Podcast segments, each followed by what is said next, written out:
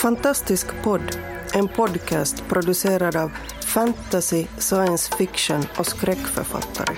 På svenska, i Sverige och Finland. Vi snackar skriva, böcker, våndor och vändor i våra och andras världar.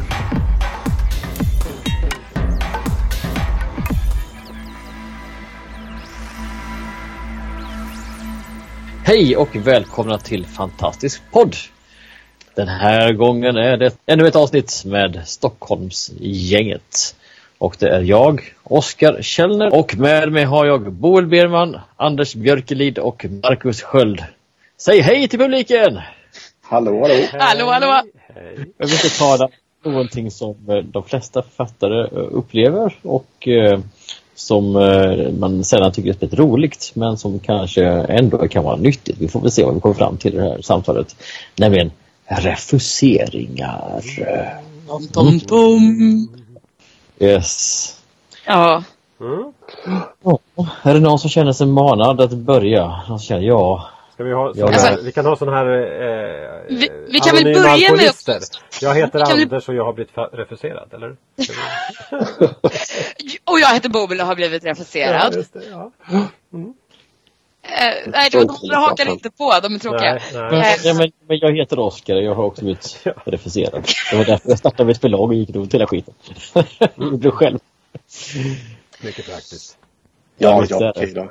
Jag heter Marcus, jag har också blivit refuserad. Ja. Och, men vi, vi har alla också fått böcker utgivna. Så att, Ja. eh, vi, vi ska väl liksom säga så här att, att det man inte... Alltså, om du är en skrivande filur så liksom man, man ska inte ta en refusering som en dödsdom och man ska inte ge upp. Nej, men, Eh, nej, men kan, kan man inte börja liksom med att fundera över det här med, med vad refuseringar är? Mm. På något sätt. För jag tänker att eh, på något sätt så, så möter man ibland den här uppfattningen om att om man har skrivit någonting eh, och man tycker det är bra och det kanske skulle kunna vara bra också. Då, då finns det någonting sånt här att det förtjänar att ges ut. Lite grann som man liksom på något sätt har skrivit något bra i skolan och har man fått bra betyg för det. Eh, för att så, det förtjänar det på något sätt. Eller, Men- men- eller, så, blir man måste, kallad till allvarliga samtal med sin lärare för att de tro, missuppfattar att en spökhistoria egentligen handlar om anorexi. Ja, jo, för att jo, de möter ett skelett på vinden. Det här är inte- fortfarande en av mina traumatiska skrivarupplevelser på grundskolan. det, ja. Ja, jo det händer också. Det, det kan, jag, Mm. kan jag säga inifrån skolvärlden. Det har jag ofta kollegor som ser lite bekymrade ut ibland. eh, jag brukar sällan känna mig så bekymrad. Men, men, men, men det är ju liksom så att eh, refuseringar det dyker ju upp för att eh, det skrivs alldeles för mycket texter. Och Mm. eh, det går helt enkelt inte att ge ut alla. Det finns inte läsare till allting. Så att det, det är ju helt naturligt att det är så. Och sen är det ju inte så att allting som är bra ska ges ut heller utan det är ju också någonting som måste vara bra på ett sätt som just det förlaget tycker är intressant just nu och just då. Så det är väldigt viktigt liksom att tänka att att du är refuserad har inte någonting att göra med kvaliteten på det. Men sen finns det ju många som faktiskt slutar där och tänker att jo men jag har skrivit, det var ju det, jag skrev någonting, det var bra och ingen ville ha det, då, då lägger jag av. I så fall så, så är man ju klar där, då har man ju egentligen bara skrivit det för sig själv. För oss andra Alltså- som alltså- tänker att vi vill ge ut någonting som vi vill nå andra, då, då är det ju då, då är ju refuseringen bara första steget i en lång mängd kompromisser och anpassningar och förändringar på något sätt. Är ni med på vad jag är ute efter? Ja, Ja, alltså- absolut. alltså, ju- sen så, ju sen det så som, tänker jag eh, dessutom att det har med timing att göra. Alltså, ja, ja, jag vet. eh, just så här, vissa ämnen, vissa teman. Om man, så här, du kanske har skrivit världens bästa manus men det handlar om, om ja, vad, är, vad är den döende trenden just nu? Oj, nu kommer jag inte på något bara för Kommer det. Men än. varulvar kanske inte är det hetaste just just nu. Nej. De, de är alltid heta. Okej, de är alltid heta. Eh, förlåt. Klimatångest. Vad, vad är inte hett just nu? Just nu, Glittrande vampyrer är väl inte helt just nu. det börjar Alltså vampyrer är typ tillbaka. Det är tillräckligt Ja. lång tid. Fast det är inte Nej, glittrande. är de glittrande? Ja, men okej, okej, glittrande vampyr. Specifikt glittrande vampyrer. Det är väldigt nischat. Men om vi väntar i fem år till om du har ett manus om glittrande vampyrer så kanske det kommer att vara det hetaste. ja. precis så är det. Okej, just glittrande vampyr tror jag är faktiskt en ganska svag marknad. Men just nu. Men ja. Den dog ganska snabbt. Så här va, för, för nio år sedan så startade jag ju mitt Fafner förlag. Mer romaner om Och, glittrande eh, vampyrer. Nej, om en eh, roman om, eh, om eh, troll, älvor och annat otyg i Kilsbergen. Uh, för jag hade ju skrivit min, uh, min bok Drakhornet. Och uh, var tämligen nöjd i min, på säga, i min ungdoms hög, högmod. Men jag inser att jag var ju typ 32 då så jag borde ha passerat det bästa av ungdomens högmod med det, med det laget. Nej men Eh, jag hade i alla fall ett manus där eh, typ alla mina testläsare sa att det här är jätteroligt, eh, kör på bara. Men vart jag än skickade så fick jag bara refuseringar. Dock var några av dem som jag fick tillbaka positiva. Det märktes att de hade faktiskt läst och tyckte att det var ett kul och spännande manus. Dock var det liksom ingenting de kunde ge ut. Kan man säga att 85-90 procent av alla refuseringar, refuseringar jag fick var så här standard 1A-format. Ja, för jag tänkte bara, det är extremt ovanligt att man faktiskt får ett personligt refuseringsbrev. Det det. Så får man Det är det så ska man ju förstå att då har de ju ändå tyckt att det Ja, finns men någonting i bokmanuset som är värt. Precis, jag fick ju ändå en, två, två, tre stycken sådana. Jag fattar ju då som att nej, men det, det kanske ändå finns någonting här som, som är värt att, att eh, jobba vidare med. Ehm, och det var också där någonstans jag började inse, precis det här du var inne på innan Anders, det här att eh, ett bra manus blir inte utgiven för att det förtjänar det. Nej, utan Nej. kräver extrem tur och timing och folk som också faller för och tycker om det precis just då och så vidare.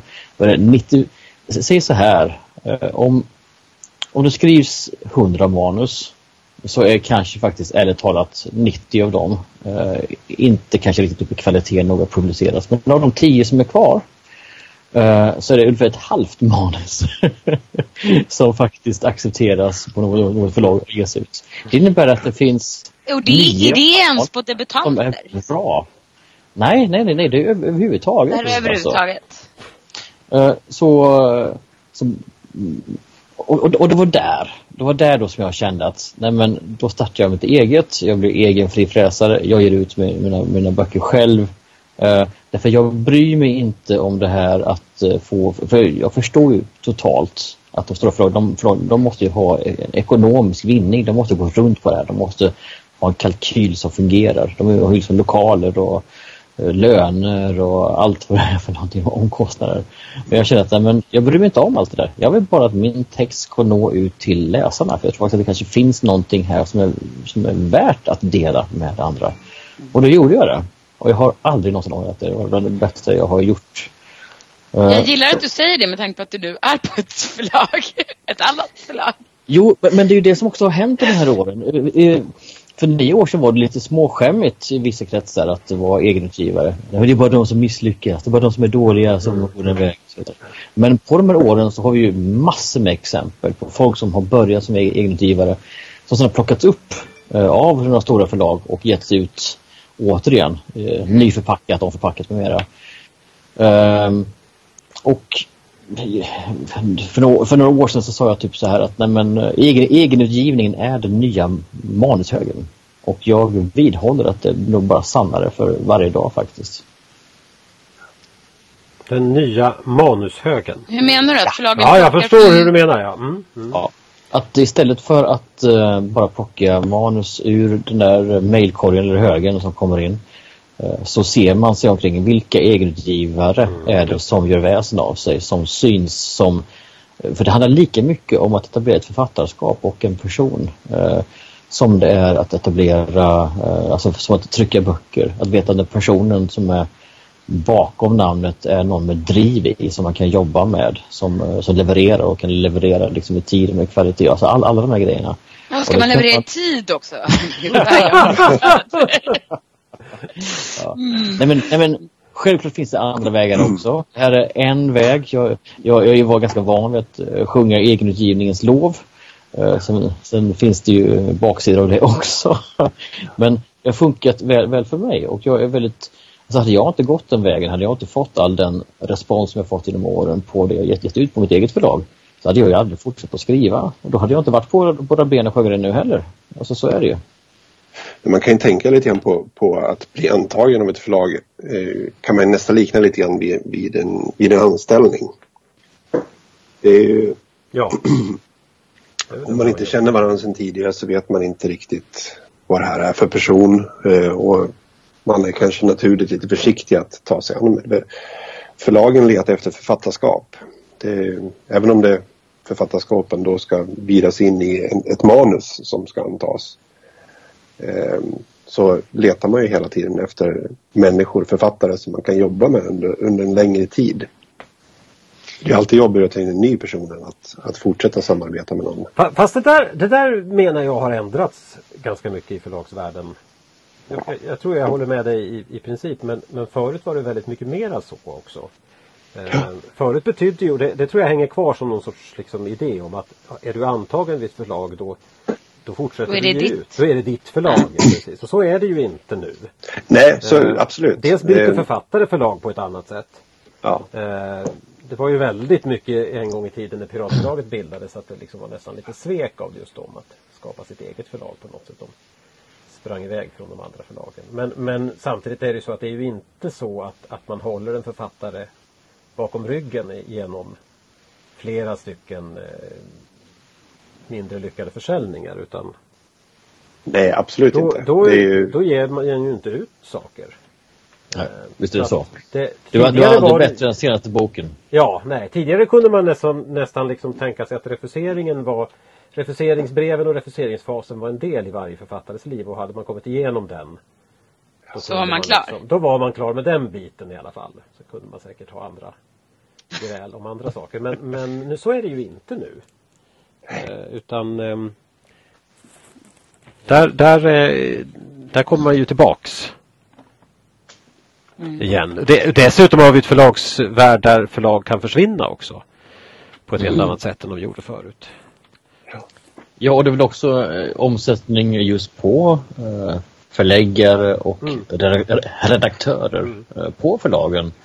Eh, med mycket frilansare och sådana grejer. Jag får i alla fall intrycket av att det är på ett annat sätt nu än vad det var för eh, några år sedan. Jo, men det, det, ja, det Vilket gör att de folk man jobbar med på förlaget byts ut. Det byts ju på sätt och vis också gruppdynamiken och eh, så förlagets ansikte mot en själv ut. Jag har ju hunnit vara med om, om eh, uppköp och nedläggning av eh, Eriksson och Lindgrens förlag. Eh, två tredjedelar genom en bokserie som jag gav ut där. Så köpte Norstedts upp dem. Eh, och de, de, eh, det, det är ju sånt, sånt typiskt sak. Jag fick eh, mail, eller fick, mail, jag fick brev från dem varje år. Där de sa att eh, det är bara att fortsätta och samarbeta som vanligt och du kan kontakta din redaktör och sådär. Men eh, min redaktör hade försvunnit i, i uppköpet. Och flytt någon annanstans och hela den utgivningen hade försvunnit. Så det var ju liksom bara ett standardbrev som inte betydde någonting. Men det, men det är så klurigt för det är så mycket som händer. Alltså typ, det känns som att folk läser mindre pappersböcker men samtidigt så läser ju svenska folket mer än någonsin fast på Storytel eller Bookbeat eller liksom Nextory eller ja, allt vad de heter. Jag har säkert glömt någon. Vilken har jag glömt? Ja. Eh, det, det är ju lite galna tider, lite vilda västern. Alltså, Det gör ju förlagen också nervösare och det gör ju också liksom att det är Ja, mer fast han- oförutsägbart vad de kommer att göra. Absolut, men samtidigt känns det till exempel som att intresset och toleransen för science fiction, fantasy och skräck ökar. Och mycket tack vare till exempel agenter som kanske ser andra marknader. Tv-serier, filmer, utlandsrättigheter, young adult, I don't know. Att, att det är mindre nischat till bara Sverige kanske. mm, Ja, Jag nej, vet det- inte om det stämmer. Det är en fråga. Nej, men det kan nog eh, vara en, en poäng. Eh, Det kan nog helt sant. Jag säger inte att vi är där än, jag säger bara att jag tror Nej. att det går i den riktningen. Ja, Jag nej, hoppas men att det det så- hoppas att det går i den riktningen. Det Jag och eh, min, min, och Kalles eh, rymdäventyrsserie, eh, den är ju på Arbetarsjön här i Sverige, men vi har ju Grand, Grand Agency som agenter. Så de eh, är ju de, the Grand, Grand Agency. Grand, de är ju eh, redo att eh, sen pitcha ut det här i, i världen på olika håll och kanter. Eh, och det innebär, och det gör man ju bara om man ser en potentiell marknad för det. Så är det ju. Och eh, jag vet att det finns eh, i USA, i New York finns det ju eh, eh, avdelningar av förlag och enskilda förlag som är specialiserade just då på ungdoms eh, sci-fi exempel som det här är. Och så Mm. så det, det, det finns. Det gäller bara att veta var de är och att pricka in dem. Och, för då, och då, är, då är det agenter som har de kontaktnäten, som har den erfarenheten. Så är det ju. Ja, för i Sverige har vi inte så många större förlag som är nischade på sci-fi, fantasy och skräck. Det är, liksom, det är inte tillräckligt stor marknad bara Sverige. Medan Nej, Grand är är, väl mer- nästan lite sådär, jag säger inte att de är nischade, men de har ju flera exempel. De har väl på, på just fantastik i sin portfölj. Ja, de, de har ju Sara Bergmark Elfgren och eh, Mats eh, Strandberg. Strandberg precis. Eh, hans slutet har ju, och Färjan och Så har de väl Monster Monster-böckerna. Ja, ja, de också säkert. Nej, men jag har ju gått till en massa olika länder. Så visst är det så. Och jag tror väl att eh, norra, Saras Norra Latin har väl också gått till ett gäng olika länder. Så det är åtminstone inte min, min upplevelse att, att eh, åtminstone förlagen för vuxenlitteratur har förändrats så jättemycket i sin syn på fantastiken. Det är Nej. fortfarande väldigt försiktigt Mm, mm. som de tar sig Barn och ungdomsfokus liksom. Ja, ehm, man kan kanske inbilla sig att det är något lättare i barn och ungdomssfären. Ehm, och det är ju den här trötta gamla klyschan att, att allting som är fantastik är automatiskt för barn. Ehm, så att det kanske finns en liten större tolerans där. Men eh, jag hoppas verkligen att det är som du säger att, att eh, de börjar närma sig fantastiken ehm, och vågar Men det. just skräck har väl ändå varit alltså, alltså, acceptabelt för de stora förlagen väldigt länge med, med Stephen Kings eh, dominans från 80 Ja, fast, det, fast alltså, jag tror Där att är vi, det vi kan ha pratat om det förut. litteratur. Att det känns som att det är väldigt mycket Ah. så här, förlagen kanske har en skräckförfattare. Och sen så om det kommer en annan så är de så här, nej men vi har en. Ja. Alltså, vi har Men den de här säger Ivy Lindqvist, vi romaner, behöver vet, mer. Nej, vi har en person som skriver socialrealism. Ja. Så. Jag tror att vi har pratat om det här lite förut. Så vi ska inte låta arga och, och, och, så. eh, det, det är bara, ja, Ja. förändring som sker långsamt. Men, men visst måste det ju vara så att det fortfarande är en bit kvar där. Att den här ungdomsstämpeln finns kvar. Men jag tror att sen är det ju ytterligare en bit kvar. Att, att fundera på fantastik som någonting annat än underhållningslitteratur. För det är ju också någonting som Mm. säkert också ligger oss i fatet just eh, när man eh, blir refuserad som fantastikförfattare så kan man ju räkna med att, att det är i huvudsak en försäljningsfundering medan det som så att säga eh, icke-genrelitteratur, om man nu kan tala om det, eh, littera, litterär litteratur eller någonting sånt, eh, så finns det ju i alla fall ibland ett, ett sorts konstnärligt övervägande att den här kanske är smal och konstig men den ger vårt förlag en viss cred i kulturbranschen. Så. Det, det, där är ju inte fantasyn i närheten av. Eller Alltså det beror ju helt på vilken än. genre. Alltså så här, en, en av mina svenska favoritböcker så där, genom åren var ju eh, Como. Som jag tycker är helt magiskt speciell sci-fi roman. Jag Det är blev bara bara- helt tyst nu.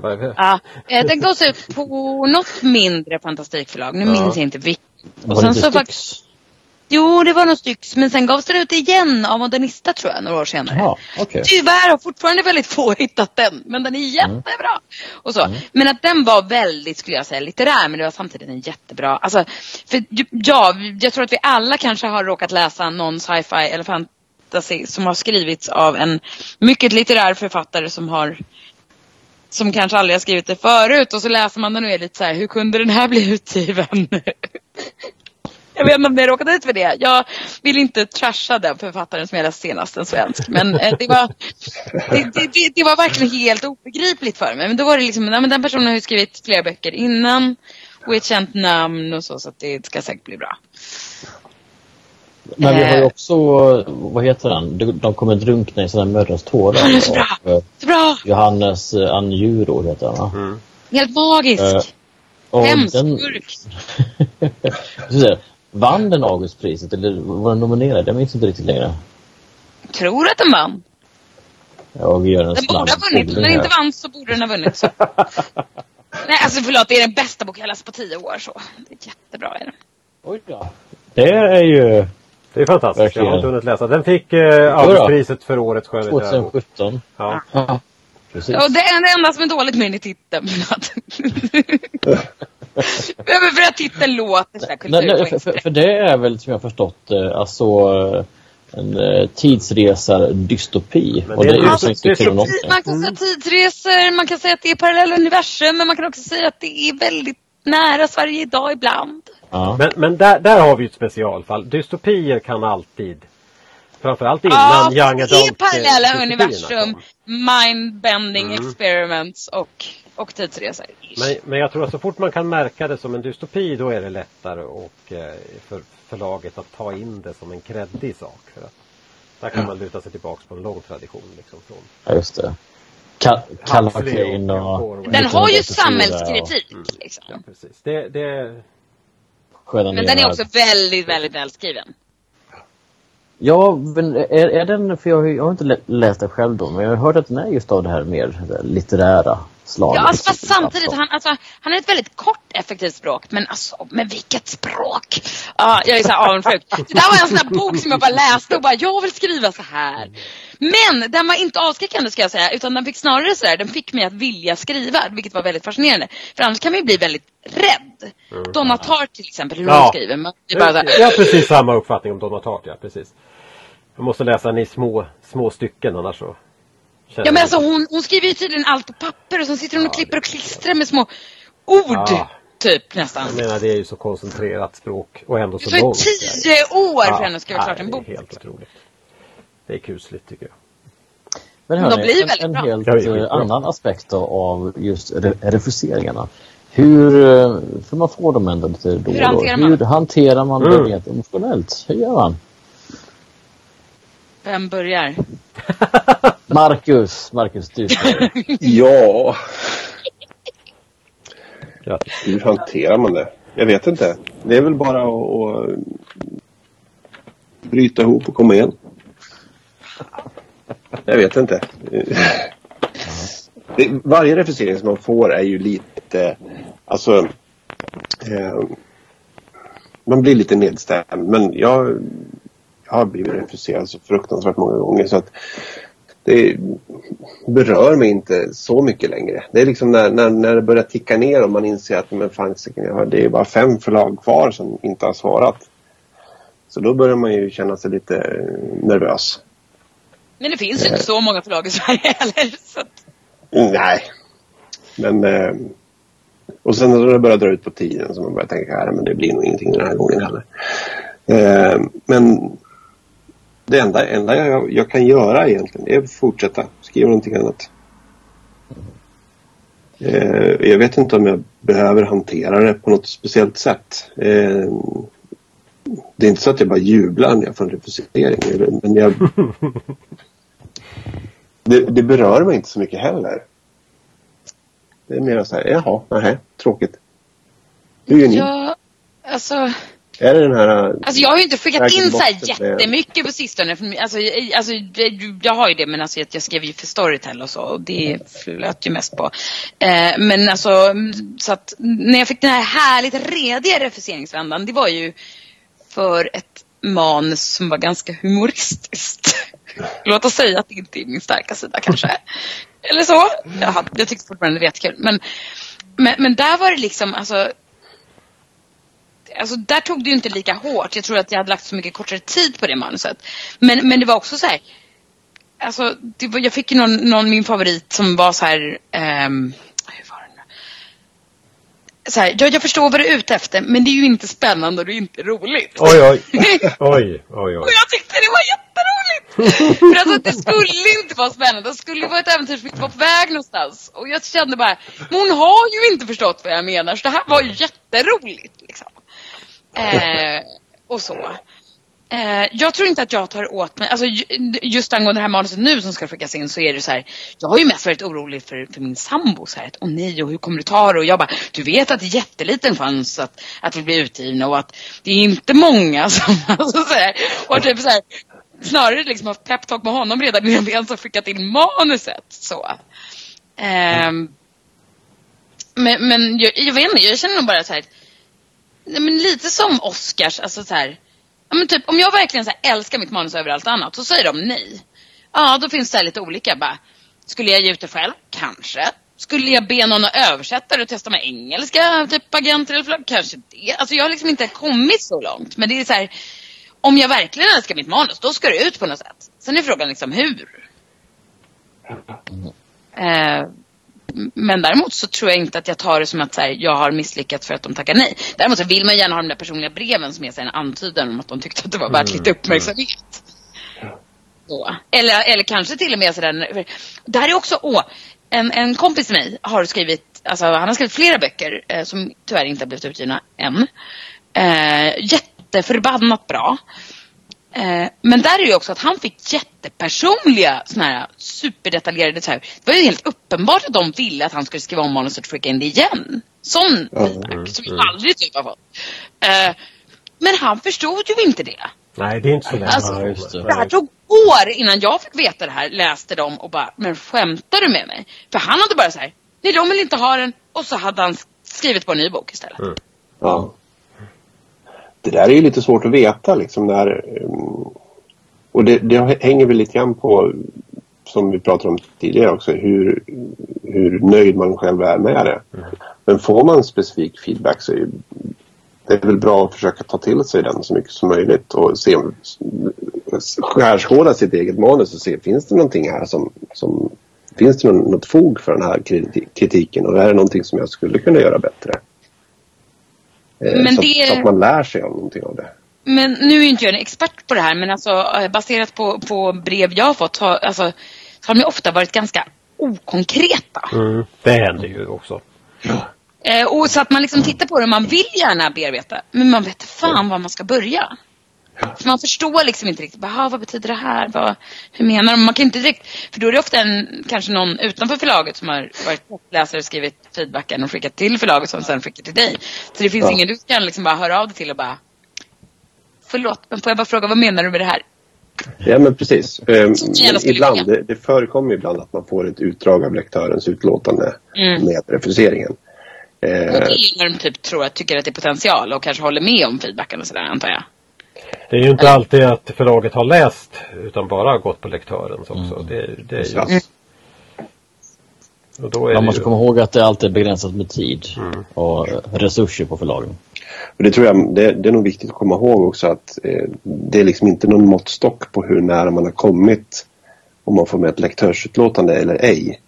Utan eh, det kan vara så att de, de älskar ditt manus men att det ligger fel i tiden eller att de redan har en skräckförfattare. Eller, Ja,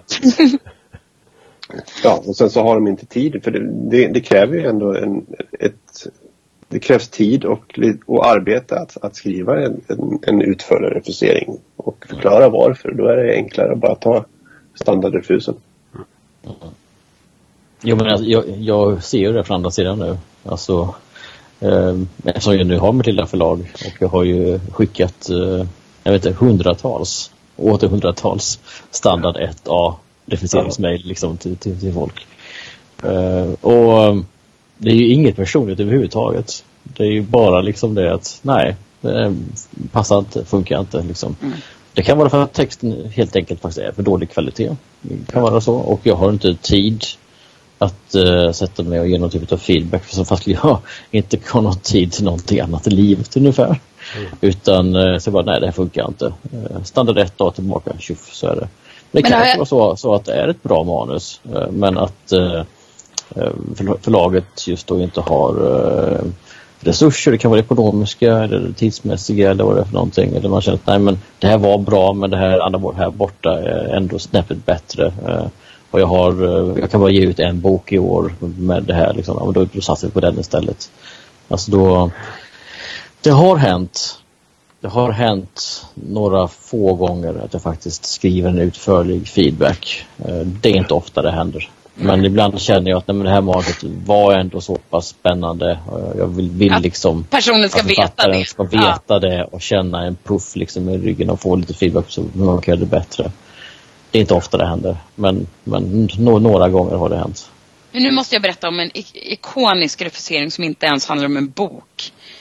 Eh, det var ett, ett um, syntband för 25 år sedan. Som, som fick en refusering. Det var den vanliga standard en mening, du vet sådär, tyvärr just nu kan vi inte ge ut det. Så har någon liksom ta, bemödat sig att ta en glad penna och skriva på handskrivet. Och så ger vi inte ut synt. Ja, det är en rolig touch i varje fall. ja. Men det är ju en del i det här med refusering också som, som, eh, som man bör tänka över när man, när man skickar till förlag överhuvudtaget. Det kan vara bra att titta vad de ger ut för någonting. Det kan vara väldigt bra. Så att man ser att man överhuvudtaget skickar det till ett ställe där, där, man, där det är värt att de slösar sin tid på att titta på det. För att Skickar du till ett fackboksförlag din, din eh, sex romaners långa fantasy-svit så, så är det ju kört från början förstås. Det, hur bra den än är. Och det måste man ju liksom Den typen av, av realism måste man ju också ha med sig. Men Anders, du då? Hur hanterar du refuseringarna? Det Alltså, jag- Emotionellt då? Jag har alltid svårt eh, att hantera det för att eh, jag, jag tenderar att tröttna på saker. Ehm, jag, jag vill gärna, när jag har gjort en sak och det har gått bra så vill jag gärna göra någonting helt nytt, annat. Så att varje gång jag får en refusering så funderar jag på om det verkligen är så att jag ska skriva någon till roman. Överhuvudtaget eller om jag ska skriva en helt annan Oj, det var väldigt dramatiskt. Ja men, ja, men det, är inte så dram- det är inte så dramatiskt utan det är mer sådär. Jag menar jag har gjort ut bilderböcker och jag har gett ut strippserier och jag har gjort seriealbum och, och jag har gjort ungdomsböcker. Eh, men det kanske, då tänker jag liksom sådär, men det kanske, jag, jag, jag måste skapa saker, det vet jag alltid. Jag måste göra saker. Men det kan ju hända att det jag ska göra är Ett dödsmetallband. ett dödsmetallband. Mm. Ja, till exempel. Det var länge sedan jag Tillsammans med Erik Granström. Ja fast han, är, han, är, han bara skriver ju. Det var länge sedan jag sjöng i mm, garageband. Det kanske är dags igen eller någonting sånt där. Nej, men jag, det, så, så känner jag lite grann. Är det värt min kreativa tid att fortsätta med just det här spåret eller vill jag pröva någonting nytt? Så, att, ehm, så, så kan jag definitivt känna. Och det, det tycker jag är det svåraste eh, i ett sånt läge. Speciellt när man har eh, nu har jag gett ut liksom fyra stycken romaner i, i ungdomsfantasygenren och då kan man tycka, ska jag fortsätta med det? Och så går inte det riktigt därhän. Ska jag liksom Jag skulle väl kunna tänka mig att skriva poesi eller eh, självbiografiskt eller surrealistiskt. Eller, alltså, ja. Ja, du menar att du vill liksom, ja, kanske testa lite olika Ja, ä- ja, även om jag skulle behålla mig till skrivande så kan jag med en gång börja Mm. tänka men oj, man kanske skulle börja passa på. Det- Jag tycker det, det, det känns både som att det ger en viss frihet också. Att det kanske inte är det här jag ska Men är, är det refuseringar då som, som eh, får dig att börja tänka på det sättet? Ja, det tror jag. Nej, det kan det ju vara annars också. Men, men jag är också lite lat. Så att jag menar så länge någon säger att, att jo, men du kan fortsätta med det här. Det här, det här kan vi ge ut eller sånt där. Jag tycker det finns. Där måste jag säga att, att, att nå ut till läsare men också bli ekonomiskt kompenserad är en ganska stort incitament när man sitter och tar tid från familjetiden och utöver 100% ett jobb. Så, så um, det tackar man inte nej till. Men när man däremot liksom kanske inte riktigt det rullar på då kan jag känna en större frihet att undra vad, Du kan göra vad du vill. Ja. Ja men lite grann sådär. Jag kanske skulle lära mig spela luta istället. Det är mycket ekonomiska incitament till utställning. Nej, nej, men om, inte- om inte alternativet finns som ekonomiska instrument en gång i Nej, jag förstår vad du menar. Eh, Eh. hörni, hörni, vet ni vad? Alltså, klockan bara går. Ja, men nu Eh, igen. Ja, vi, vi har liksom... Men, men eh, var vi tillräckligt liksom peppiga Gott, och, och har vi kommit fram till något så här hur man klarar sig? Man Förutom kan- då, vad man var det? samla Bibbeli Soda-streamen. Samla refuseringsbrev i en fin pärm. Och försöka få så många som möjligt. Ja, men var det, ni vet Stephen King-grejen? Är- Stephen King var, hanterade var, var, det- var det han som tapetserade den serien, eller hur var det? Nej, Han satte upp dem på en spik. han hade en spik och så satte han refuseringarna på spiken. Eh, tills den blev så full så att det inte fick plats fler refuseringar. Och då skrev han bara så här, then I got a bigger nail. Alltså jag skaffade en större spik. ja, det är bra. Mm. Det är en bra attityd och man kan ha den. Ja. Det skadar inte. Fast då måste man printa dem nu för tiden. nu får man dem bara mail. Man kan lägga en USB-sticka och se om man fyller den. Då får man hålla på länge. Oj, det är svårt. Det är Och svårt. spika upp Det är mitt mål i livet. Ja, det är bra. Men Boel, du får eh, fortsätta fylla en USB-sticka då med dina refuseringar. Så eh, får vi tacka våra kära lyssnare för denna gång. Tack så mycket och ha det bra. Hej då! Hej då! Hej då! Du har lyssnat på Fantastisk podd. Om du trivdes i vårt fantastiska poddsällskap och vill ha mer så hittar du äldre poddar och information om oss som deltar på vår hemsida under fantastiskpodd.se och på vår Facebook-sida Fantastisk podd. Har du frågor eller förslag på vad du tycker att vi ska tala om, hör gärna av dig antingen på Facebook eller via kommentarer på hemsidan. Vi hörs!